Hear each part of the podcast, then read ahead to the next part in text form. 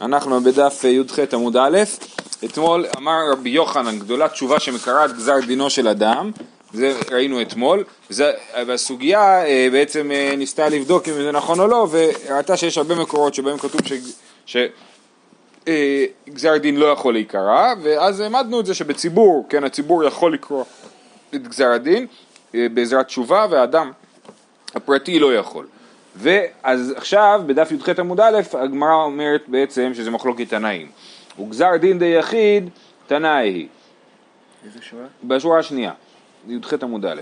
אה, גזר דין דיחיד תנאי היא, זאת אומרת זה מחלוקת תנאים בכלל, ואז בעצם כל המקורות שראינו מקודם שאומרות שאין, אי אפשר לקרוא את גזר דינו של היחיד ושאי אפשר לקרוא את גזר דין, והעמדנו את זה ביחיד, כל זה לשיטת התנאים שבאמת אי אפשר לקרוא את גזר הדין של היחיד, אבל יש תנאים שאומרים שכן אפשר לקרוא גזר דינו של היחיד, ואז בעצם, אז אפשר להגיד שרבי יוחנן דיבר לפי השיטה הזאת, זאת אומרת אפשר להגיד שהוא דיבר לפי השיטה השנייה והוא דיבר על הציבור, שהציבור יכול לקרוא את גזר הדין, ואפשר להגיד שהוא דיבר על השיטה הזאת ש... והוא דיבר על היחיד, שהיחיד אה, אה, גם כן יכול לקרוא את גזר דינו. דתניא, היה רבי מאיר אומר שניים שעלו למיטה וחוליין שווה, שני אנשים, שני יהודים, חולים באותה מידה. אה, בוקר טוב. אה, וחוליין שווה, וכן שניים שעלו לגרדום לידון, כן, הגיעו לאיזה, לאיזה דין, ודינן שווה. זה ירד וזה לא ירד, זה ניצל וזה לא ניצל. כן, אחד מת, אחד חי. מפני מה זה ירד וזה לא ירד, זה ניצל וזה לא ניצל, זה התפלל ונענה, זה התפלל ולא נענה. מפני מה זה נענה וזה לא נענה, זה התפלל תפילה שלמה, נענה, זה לא התפלל תפילה שלמה, לא נענה. כן, אז מעניין, כאילו הדבר הזה, שהתנא קמא חושב שזה תלוי בתפילה, אם התפילה הייתה שלמה או לא שלמה. לא יודע, מה זה אומר תפילה שלמה? לכאורה... להחזיק כל התפילה. תפילה אחת מההתחלה עד הסוף. מותר להגיד? אפשר מה לעשות. עם תפילה דאורייתא? כן, בסדר, ברור, אבל לכאורה... בסדר, ריבונו של עולם, זה העולם, מה עשית? אבל שני יהודים, זה שני... שלם. לא בכל הלב. בכל הלב. אני. רק אומר, יהודי שעומד על הגרדום לידון, כאילו, כנראה שהוא מתפלל בכל הלב, כאילו, זה לא, לא יודע, בסדר, כאילו, זהו, זה, זה הסיבה היחידה, יש, יש עוד דברים, יש יהודי שיש לו עונש למות, ויש יהודי שאין לו עונש, קיצור, אז בכל אופן, התפלל תפילה שלמה, זה התפלל לא תפילה, התפלל תפילה שלמה, לא נענה. רבי אלעזר אמר, כאן קודם גזר דין, כאן לאחר גזר דין, אז לכאורה גזר דין זה לא, כאילו הוא עלה למיטה להיות חולה, זה מה שקרה במציאות בעולם. הגזר דין זה מה שקורה בשמיים, כן? אז בשמיים יש להם שני יהודים, שניהם חולים, אבל אחד הוא נגזר דינו בשמיים ואחד לא נגזר דינו בשמיים, ולכן אחד יכול להחזיר את זה אחורה ואחד לא. אז, אז ורבי רבי יצחק אמר, יפה צעקה לאדם בין קודם גזר דין בין לאחר גזר דין. כן, אז יש פה מחלוקת, האם אפשר לבטל גזר דין או אי אפשר לבטל גזר דין. זה לא אמוראים? אז, אז רבי, התנא קמא, כאילו יש לנו רבי מאיר, מתחיל, נכון? זה תנא, רבי אלעזר זה תנא, לרבי רבי יצחק אני מתלבט, אבל לכאורה זה, אם זה המשך של הברייתא אז הוא כאילו גם כן תנא. באמת אני מתלבט. יכול להיות שרבי יצחק הוא המורה וזה תוספת, זה לא חלק מהברייתא, ואז המחלוקת היא בין רבי מאיר לרבי אלעזר, שרבי מאיר חושב שתפילה שלמה יכולה לקרוא גזר דין ורבי אלעזר חושב שלא. אמ, אומרת הגמרא, גזר דין, עכשיו, כל הזמן בעמוד של אתמול אמרנו שגזר דין של הציבור כן יכול להיקרא, על זה שואלת עכשיו הגמרא, גזר דין דציבור ממיקרא, והיה כתוב אחד אומר, כבסי מרעה ליבך, וכתיב כי אם תכבסי בנתר ותרבי לך בורית, נחתם עוונך לפניי. כן? אז יש פה מצד אחד אומרים שאפשר להיכבס, וזה לכאורה דיבור על עם ישראל כולו, זאת אומרת על הציבור. מצד שני כתוב גם אם תכבסי זה לא יעזור. אז מה אליו, כאן קודם גזר דין, כאן לאחר גזר דין, ואנחנו רואים שהכיבוס לא יעזור לאחר גזר הדין, לא, אידי ואידי לאחר גזר דין, ולא קשיא. כאן בגזר דין שיש עמו שבועה, כאן בגזר דין שאין עמו שבועה. זאת אומרת, יש גזר דין של ציבור שיכול להיקרא, אבל גזר דין של ציבור שיש עמו שבועה, שכאילו, כביכול, הקדוש ברוך הוא נשבע, אז זה, אה, זה בוודאי לא יכול להיקרא. איך אנחנו, מאיפה בא הרעיון של גזר דין שיש עמו שבועה? כדרב שמואל בר עמי, דאמר רב שמואל בר עמי ואמר לה אמר רב שמואל בר נחמני אמר רב יונתן, מניין לגזר דין שיש עמו שבועה שאינו נקרא, שנאמר, ונחן נשבעתי לבית עלי, אם יתכפר עוון בית עלי בזבח ובמנחה. כן, אז הפסוק הזה מלמד אותנו ששום דבר לא יעזור לבית עלי בגלל שהקדוש ברוך הוא נשבע, כן? עכשיו זה לא בדיוק ציבור בית עלי, אבל זה הרעיון הזה שיש גזר דין, שיש עמו שבועה, שהוא לא, שהוא לא- אי אפשר לחזור בו אחורה. ואז בעצם זה יכול לייצר לנו, אה, אה, שוב, גם זה היה יכול להיות בעצם סוג של תשובה לכל הבעיות בעמוד הקודם, כן, שיש גזר דין עם שבועה וגזר דין אה, בלי שבועה. עכשיו, כיוון שהגענו לבית עלי, אז כזכור, בספר שמואל א', בתחילת הספר, אה, אה, אה, הקדוש ברוך הוא מעניש את בית עלי על ההתנהגות של הבנים שלו. אה, ואומר, והיה כל ביתך, ויכול, ב, ו, טוב, נראה את זה עוד מעט, אני נקרא את זה מתוך התנ"ך בעצם, אה, שמואל א', פרק ב', זה נחמד שיש פה תנ"ך על השולחן כל היום. אה, הוא אומר, מגיע איש האלוהים לעלי, ואומר לו, אה, אה,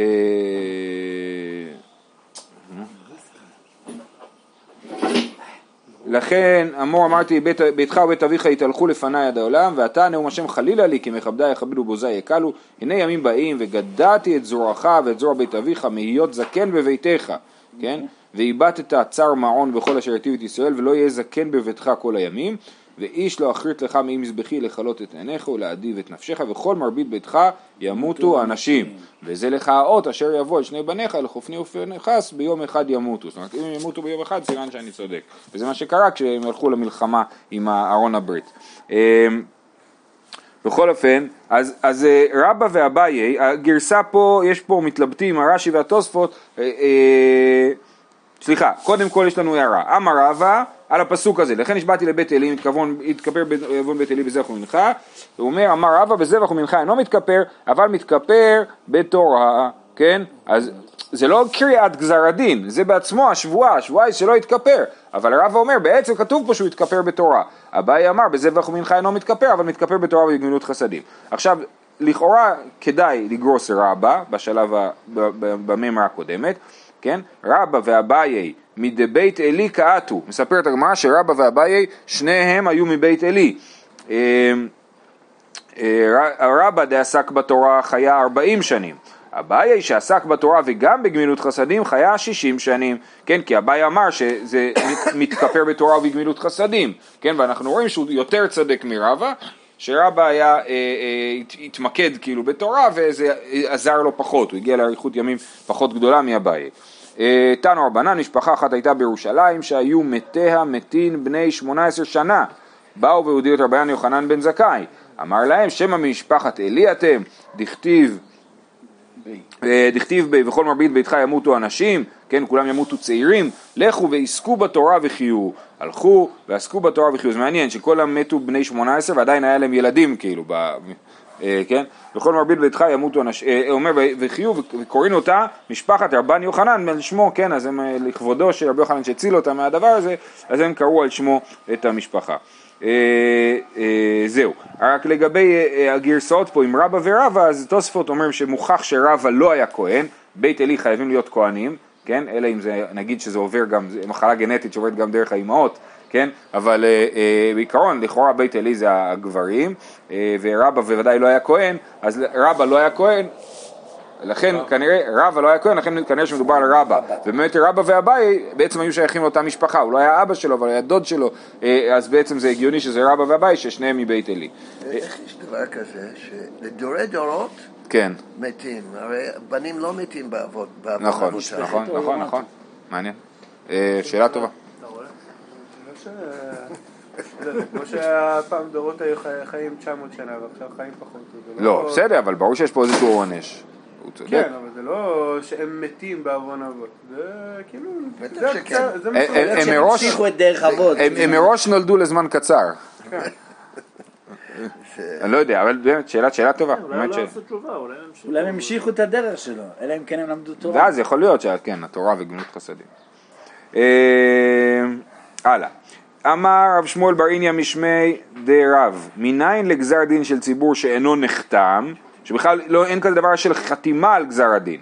אומרת הגמרא אינו נחתם, והכתיב, וזה הכל דימוי, נכון, של חתימה, אה, אה, כאילו שהשופט חותם על גזר הדין, כן? עד שאין חתימה, זה לא הולך.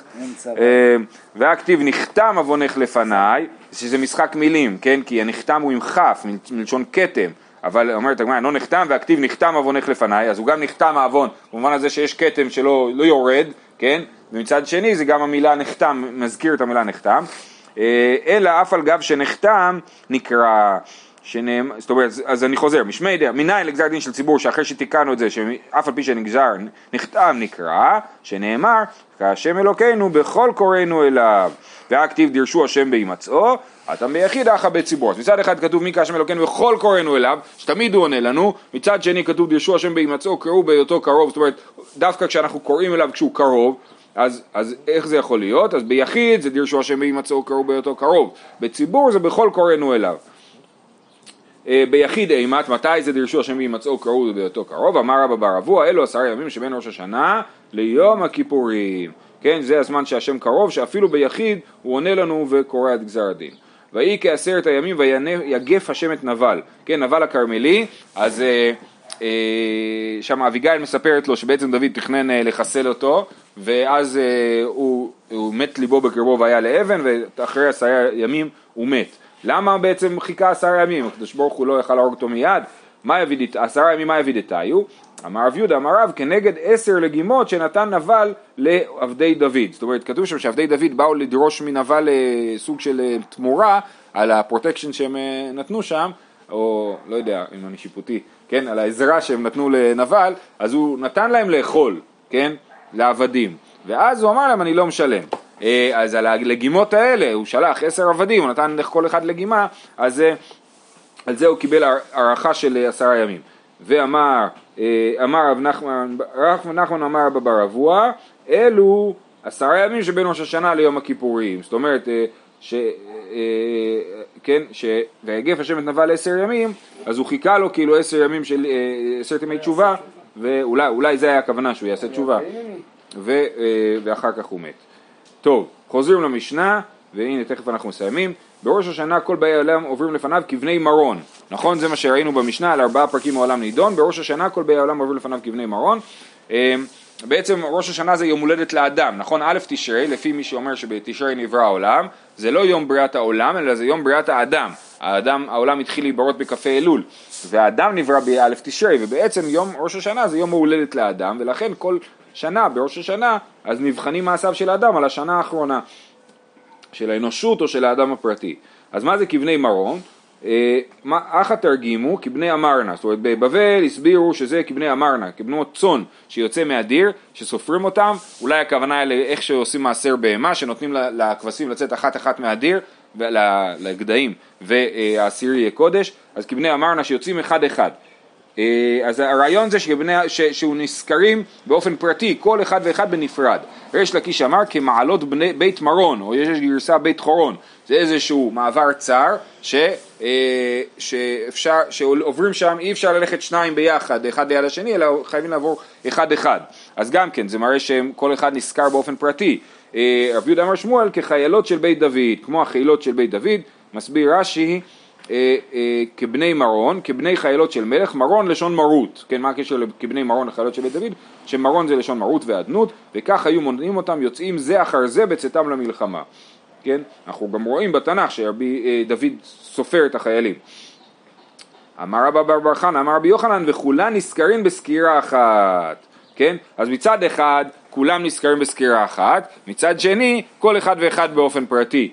אמר רב נחמן בר יצחק אף אנא נמי תנינא היוצר יחד ליבם המבין אל כל מעשיהם. מה הפסוק הזה אומר? אנחנו אומרים את זה כל שבת, כל שבת בפסוקי דזמרה היוצר יחד ליבם המבין אל כל מעשיהם. מה איכה אילי מה אחי כאמר דברנו לכולי עלמא ומייחד ליבאיו כהדדי. מה זה היוצר יחד ליבם? שהוא יוצר להם לכולם לב אחד אומרת, אבל זה לא נכון, והחזינא דלאו אחי הוא, כל אחד הוא שונה, כן, אז יוצר יחד ליבם זה לא אומר שלכולם יש לב אחד, כולם שונים, אלא לאו אחי כאמר, היוצר רואה יחד ליבם ומבין על כל מעשיהם, כן, אז הוא רואה יחד ליבם, אז מצד אחד הוא רואה יחד ליבם, מצד שני הוא מבין על כל מעשיהם, כל אחד באופן פרטי, אה, אה, וזה העניין של ראש השנה, שכולם נזכרים בסקירה אחת, אבל באופן אה, פרטי. זהו, מכאן אנחנו עוברים לדבר על, על קידוש החודש ו, ומה שמסביב. אומרת המשנה, על שישה חודשים השלוחים יוצאים, על ניסן מפני הפסח, על אב מפני התענית, על אלול מפני ראש השנה, על תשרי מפני תקנת המועדות, על כסלו מפני חנוכה, על אדר מפני הפורים, וכשהיה בית המקדש קיים יוצאים אף על אייר מפני פסח קטן. אז יש לנו שישה חדשים שהשלוחים יוצאים, השלוחים יוצאים להודיע מתי קידשו את החודש. הקידוש החודש, אז אה, אה, הוא יכול, אה, יכול להיות שהחודש הוא חודש חסר של 29 ימים, ויכול להיות שהחודש הוא חודש מלא של 30 ימים. אז הראש חודש יכול להיות או ביום ה-30 או ביום ה-31, כן? ואומרת המשנה שיש שישה חודשים שאנחנו חשוב לנו להודיע לאנשי, לבית הדין ובירושלים חשוב להודיע לכל העם מתי בדיוק היה ראש חודש כי מה אכפת בחודש שבט מתי בדיוק היה ראש חודש זה לא כזה דרמטי, כן? וגם, וגם כן, בסופו של דבר יגלו מתי זה היה ראש חודש, כן? אבל יש שישה חודשים שאכפת, כן? אז מה הם החודשים? ניסן בשביל שאנשים ידעו מתי פסח, על אב מפני התענית, בשביל שאנשים ידעו מתי תשעה באב, על אלול מפני ראש השנה, כי בראש השנה בעצמו אי אפשר לשלוח שליחים, אז אנשים סופרים, אומרים אה, ראש חודש אלול היה ביום פלוני, אני אספור 30 יום מהיום הזה, ואז אני אעשה יומיים ראש השנה, אבל אם אני לא יודע מתי ראש חודש אלול, אז אני לא יודע מתי לעשות את היומיים ראש השנה, כי ראש השנה יכול להיות שלושה ימים, כן, אם אני סופר גם, שיכול להיות שראש חודש אלול היה או 29 או 30, וגם כאילו גם חודש אב היה יכול להיות 29 או 30, גם חודש אלול היה יכול להיות 29 או 30, אז אני, אז אני יכול להתבלבל יותר, אז לכן שולחים באלול בשביל שאני אכניס ראש השנה בזמן. על תשרי מפני תקנת המועדות, על תשרי גם אחרי שנגמר ראש השנה, אה, שבירושלים הוא יכול להיות לכאורה רק יום אחד, כן? אז שולחים שליחים והם בשביל תקנת המועדות, יש לנו כמה חגים, יש לנו גם יום כיפור וגם אה, אה, סוכות בתשרי, בשביל שאנשים ידעו לעשות את זה בזמן, על כסלו מפני חנוכה ועל אדר מפני הפורים, וכשהיה בית המקדש קיים יוצאים אף על אייר מפני פסח קטן, פסח שני שהוא בט"ו אייר. אה, עכשיו, לכאורה, לכאורה, על, אה, יש פה מחלוקת בין הראשונים, כפי שנראה תכף בהמשך בסוגיה, האם ראש, בתשעה באב היה נוהג בזמן בית המקדש השני, כן? האם צמו בכלל צום תשעה באב בבית המקדש השני? אז אם אתה אומר שצמו בזמן בית המקדש השני, אז באמת בזמן בית המקדש היו השלוחים יוצאים על שבעה חודשים, כן? גם על, פס, על אייר מפני פסח שני. ואם אתה אומר שבבית אה, המקדש השני לא נהגו לצום בתשעה באב, אז, אז גם בבית המקדש היו יוצאים על שישה חודשים, פשוט אתה מחליף את אב עם אה, אייר. אומרת הגמרא וליפקו נמי, שנייה, אז בוא נחשוב, איזה חודשים עוד היה צריך להוציא חוץ מששת אה, החודשים האלה? שאר התעניות. כן, אז יש לנו את שאר התעניות, את אה, תמוז של י"ז תמוז וטבת של עשרה בטבת, ולכאורה גם מה עם שבועות? למה על שבועות לא צריך לצאת? מה אתם אומרים? סופרים 50 יום. סופרים 50 יום, וראינו גם בגמרא שבכלל לא משנה באיזה תאריך זה יוצא. זה לא תלוי בראש חודש, שבועות לא תלוי בראש חודש, שבועות תלוי ב-50 יום מפסח, ולכן על שבועות לא צריך לצאת. אומרת הגמרא, וליפקו נמי התמוז וטבת, דאמר רב חנה בר ביזנא, אמר בשמעון חסידה, מאי דכתיב כה אמר השם צבאות, צום הרביעי וצום החמישי וצום השביעי וצום העשירי, יהיה לבית יהודה לששון ושמחה. אז יש פרק מאוד מעניין בספר זכריה, זכריה כידוע היה בתחילת תקופת בית שני, ואז שולחים אליו שליחים לשאול אותו אם לצום או לא לצום בצומות. צום, עוד מעט נראה מה זה, זה הצומות שאנחנו מכירים, אבל תכף הגמרא תפרט מה זה בדיוק. כן? אז שולחים לשאול אותו מה לא לצום. אז התשובה שלו היא מורכבת, כן? הוא לא עונה להם בכן ולא, אבל הוא אומר כה אמר השם בתוך דבריו, הוא אומר כה אמר השם צבאות, צום הרביעי וצום החמישי וצום השביעי וצום העשירי יהיה לבית יהודה לששון ושמחה. מתי? הנה עכשיו אנחנו עלינו העלייה השנייה לארץ ישראל, מתחילים לבנות את בית המקדש השני, אז מתי זה יהיה? עכשיו זה יהיה לששון ושמחה? אז מה, מה הגמרא אומרת? קרעי לו צום, מצד אחד אומר צום אשר הביא, צום, כן זה צום, מצד שני קרעי לו ששון ושמחה. אז מה הפשט? בזמן שיש שלום יהיו לששון ולשמחה, אין שלום צום. אז כשיש שלום, ששון ושמחה, ואם אין שלום אז יש צום. כתוב יש שמד. אה, שלום יש שמד. במקום, ש... בזמן שאין שמד, שוב פעם, רגע, זה הגרסה של השטיינזלץ? בזמן שיש שלום יהיו לששון ושמחה. אה, סליחה, סליחה, לא, לא. אה, אז חכה, חכה, רגע, ברפאפה, אז תכף תגיד לנו. בכל אופן, אז מה זה שלום? אז לכאורה, רש"י אומר שלום זה שאין יד עובדי כוכבים תקיפה על ישראל, כן? אז אם אין יד עובדי כוכבים, בכל אופן, אז יוצא שאם אה, אה, אה, יד עובדי כוכבים תקיפה על ישראל, ובזמן שאין בית המקדש, כן? זאת אומרת המשנה הרי נכתבה אחרי חורבן בית המקדש השני, כי היא אומרת בזמן שהיה מקדש אז עשינו גם, יצאנו באייר, נכון? אז המשנה נכתבה בזמן שאין בית מקדש, וכנראה שזה נחשב לדבר שאין שלום, ולכן היה צריך לצאת גם על החודש הרביעי והחמישי שיש צום, אה, לא על חודש, החודש הרביעי וה... אה, החודש הרביעי זה חודש תמוז וחודש טבת, העשירי, כן? היה צריך גם כן להוציא שליחים שידעו מתי לצום. אמר רב פאפא, אחי קמא, בזמן שיש שלום יהיו לששון ושמחה, יש, כאן כתוב שמד? כן. יש שמד אה, צום, אין שמד ואין שלום, רצו מטענין, רצו אין מטענין. הרב פאפ אומר לא, יש פה שלוש מצבים, שלושה מצבים. יש מצב שהמצב גרוע, כשהמצב גרוע חייבים להתענות, כשהמצב מעולה לא מתענים, כשהמצב הוא בינוני, אין שמד ואין שלום, אז רצו מטענים ורצו אין מטענים. והמשנה נכתבה בתקופה כזאתי, והצומות סליחה, הם צומות של רשות, הם לא צומות הכרחיים, ולכן אה, אה, הדין הוא שרצו מטענים, רצו אין מטענים, ולכן כיוון שזה צום שהוא צום של רשות, אז לא לחוץ לנו לשלוח את השליחים להודיע בדיוק מתי הצום אה, חל, בסדר? אז זה, זה התירוץ, למה לא שלחו? בשיטת גם היום לא צריך לצום. אז זה באמת, על הסוגיה הזאת אה, נכתבו הרבה אה, עניינים, כן, השתברו הרבה קולמוסים, האם, האם באמת לפי זה אנחנו כן צריכים לצום היום או לא צריכים לצום היום, בכל אופן נראה שהיום עם ישראל קיבל את זה על עצמו כ, כאיזשהו מנהג מחייב, אבל באמת זה פותח אה, אה, פתח לדיונים. אה, אומרת הגמרא, רגע, לפי רב פאפא, יחי תשעה באב נמי, נכון? אז רגע, אז גם תשעה באב, רצו מטענים, רצו אין מטענים, אז אם ככה, למה אנחנו אה, אה, שולחים שליחים על תשעה באב, כתוב במשנה שמוציאים שליחים גם על, תשעה, על, על ראש חודש אב, אמר רב פאפא, שאני תשעה באב והוכפלו בו צרות, תשעה באב זה יום עצוב במיוחד, כן? אה, גם ראש גוש קטיף, אז אה, הוכפלו בו צרות ולכן אה, צמים בתשעה באב, לפי הרמב"ם אפילו בזמן שבית המקדש קיים, כן? כאילו אפילו זה, זה, זה לא, זה זכר כאילו, זה זכר לצרות, כן? אז אפילו בזמן שבית המקדש קיים, צמים לפי הרמב"ם, וזה מעניין כי זה לכאורה בניגוד לפסוק, שצום השביעי וצום החמישי, צום החמישי זה תשעה באב, כן? יהיה לששון. ולשמחה. אה, אבל, אבל ככה לפי הרמב"ם, לפי ראשונים האחרים, גם, כן. זה יותר צום של ניקוי. זה ניקוי.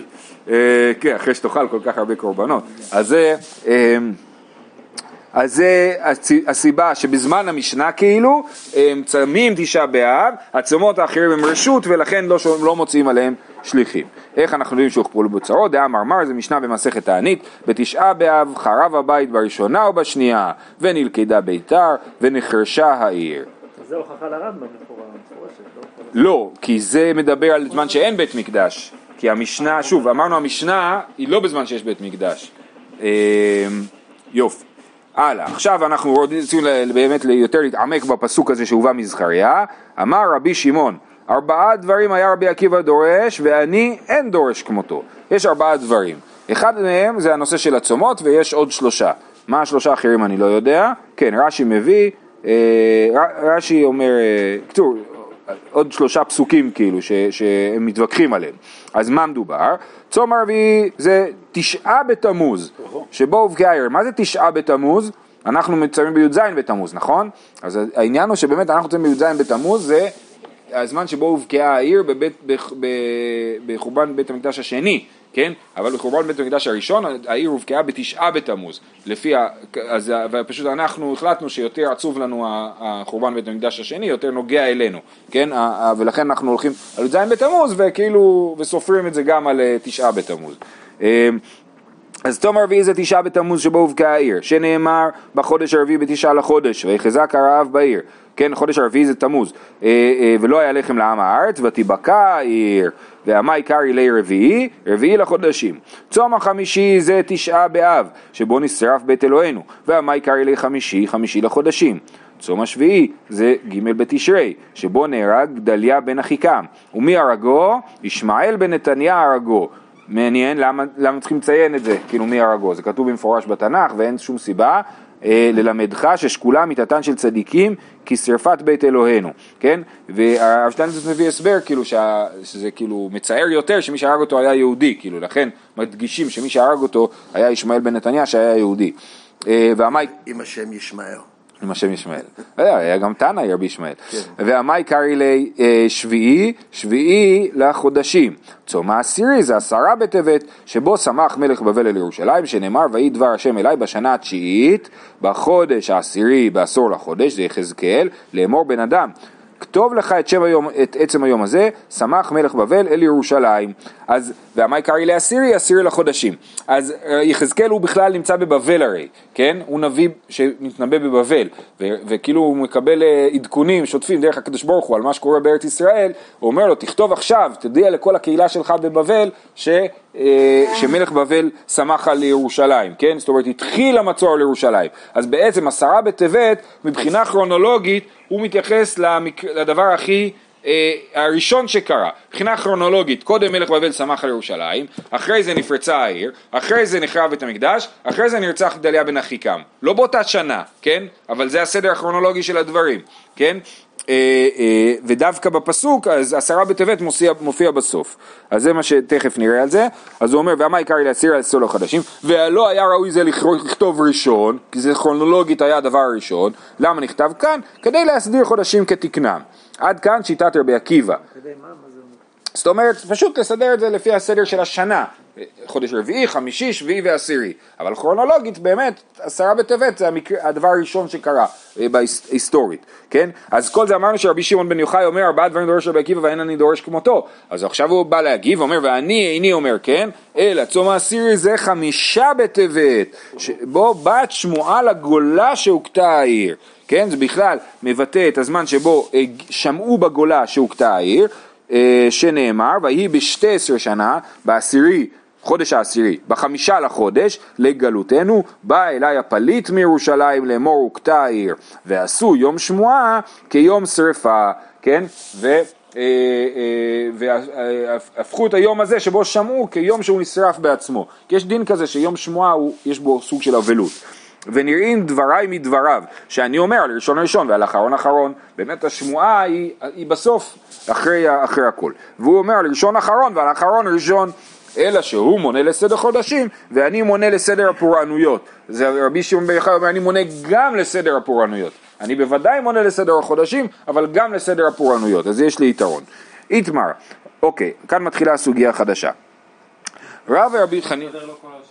מה? הכל מסתדר מצוין. יש לו אה, צום הרביעי הובקעה העיר, צום החמישי נשרף בית המקדש, גדליה בן אחיקם בצום השביעי, ובסוף שבבבל שמעו על שרפת בית המקדש. באמת זה מעניין כי יכול להיות, השאלה היא כאילו כמה זמן לקח בין חורבן בית המקדש ל- לרצח אה, גדליה בן אחיקם, האם זה היה באותה שנה או שזה לקח יותר משנה, אם זה לקח יותר משנה אז זה באמת לא מסתדר כרונולוגית.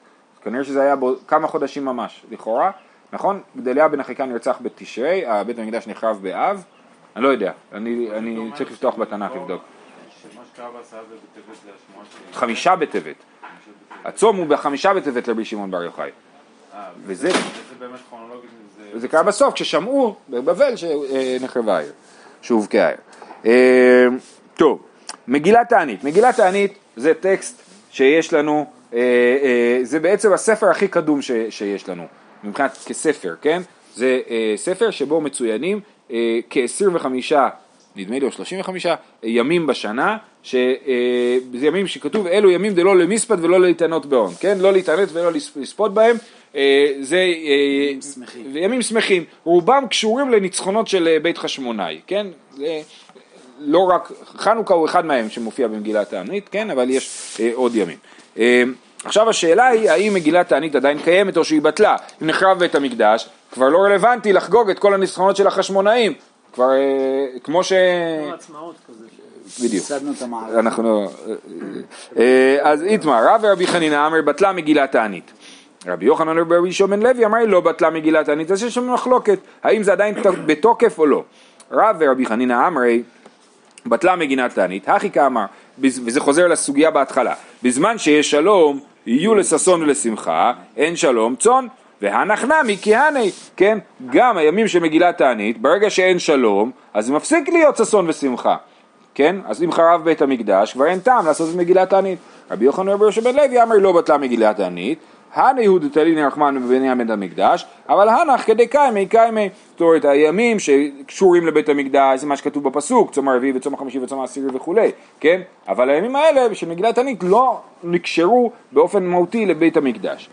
מה תברב כהנא?